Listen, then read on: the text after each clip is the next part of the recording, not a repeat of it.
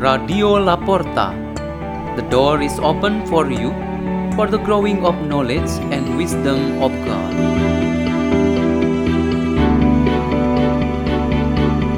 delivered by Father Peter Tukan SDB from Salesian Don Bosco Gerak in Labuan Bajo Sepulteng, Indonesia.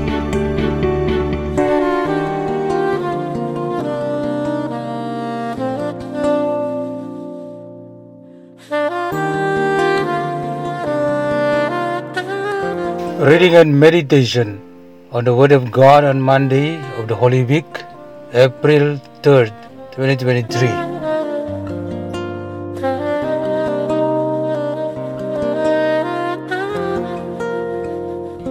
A reading from the Holy Gospel according to John chapter 12 verses 1 to 11. Six days before Passover, Jesus came to Bethany, where Lazarus was, whom Jesus had raised from the dead. They gave a dinner for him there, and Martha served, while Lazarus was one of those reclining at table with him. Mary took a liter of costly perfume oil made from genuine aromatic nard, and anointed the feet of Jesus and dried them with her hair.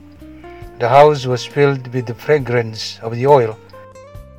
Then Judas Iscariot, one of his disciples, and the one who would betray him, said, Why was this oil not sold for three hundred days' wages and given to the poor? He said this not because he cared about the poor, but because he was a thief and held the money bag and used to steal the contributions. So Jesus said, Leave her alone. Let her keep this for the day of my burial. You always have the poor with you, but you do not always have me. The large crowd of the Jews found out that he was there and came not only because of him, but also to see Lazarus, whom he had raised from the dead. And the chief priest plotted to kill Lazarus too, because many of the Jews were turning away and believing in Jesus because of him. The Gospel of the Lord.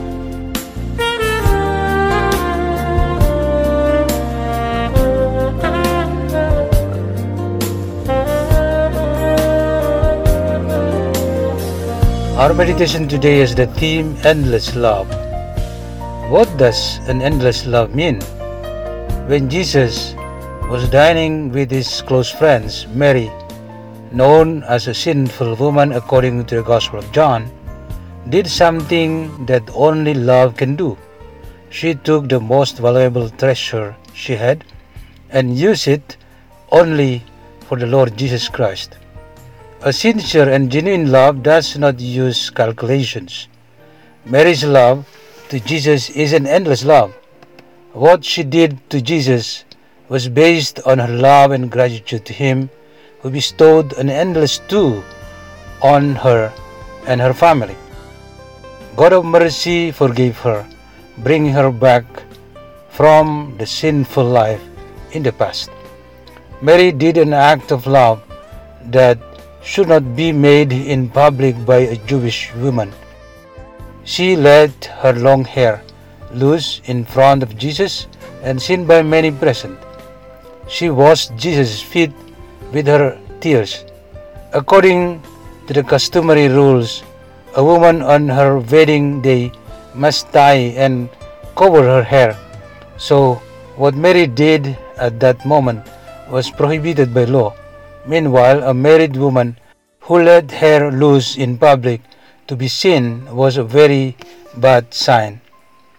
Mary's action certainly annoyed everyone around her except the Lord Jesus, but she did not care about the reactions of those people present.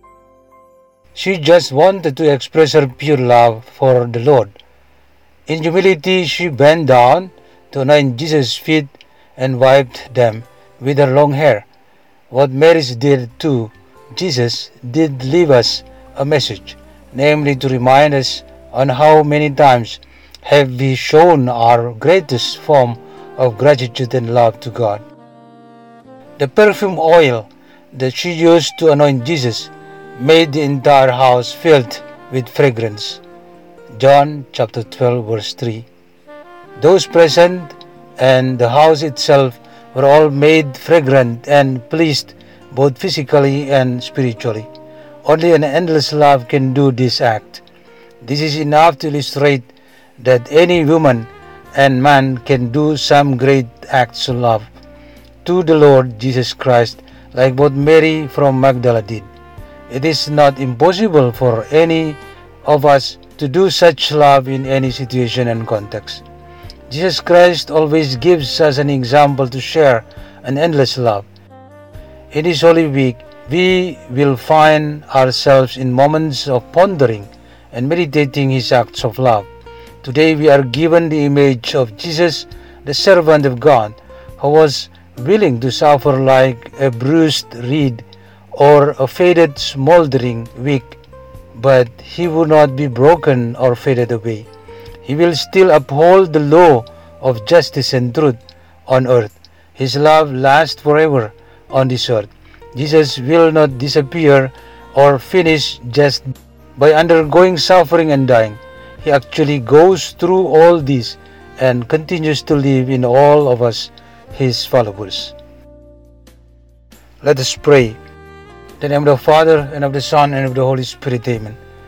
O Lord Jesus Christ, teach and strengthen us to always be able to endure the difficulties and sufferings that confront us, even when we have to sacrifice our lives.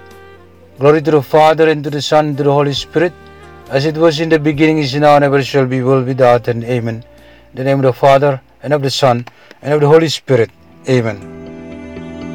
Radio La Porta. The door is open for you.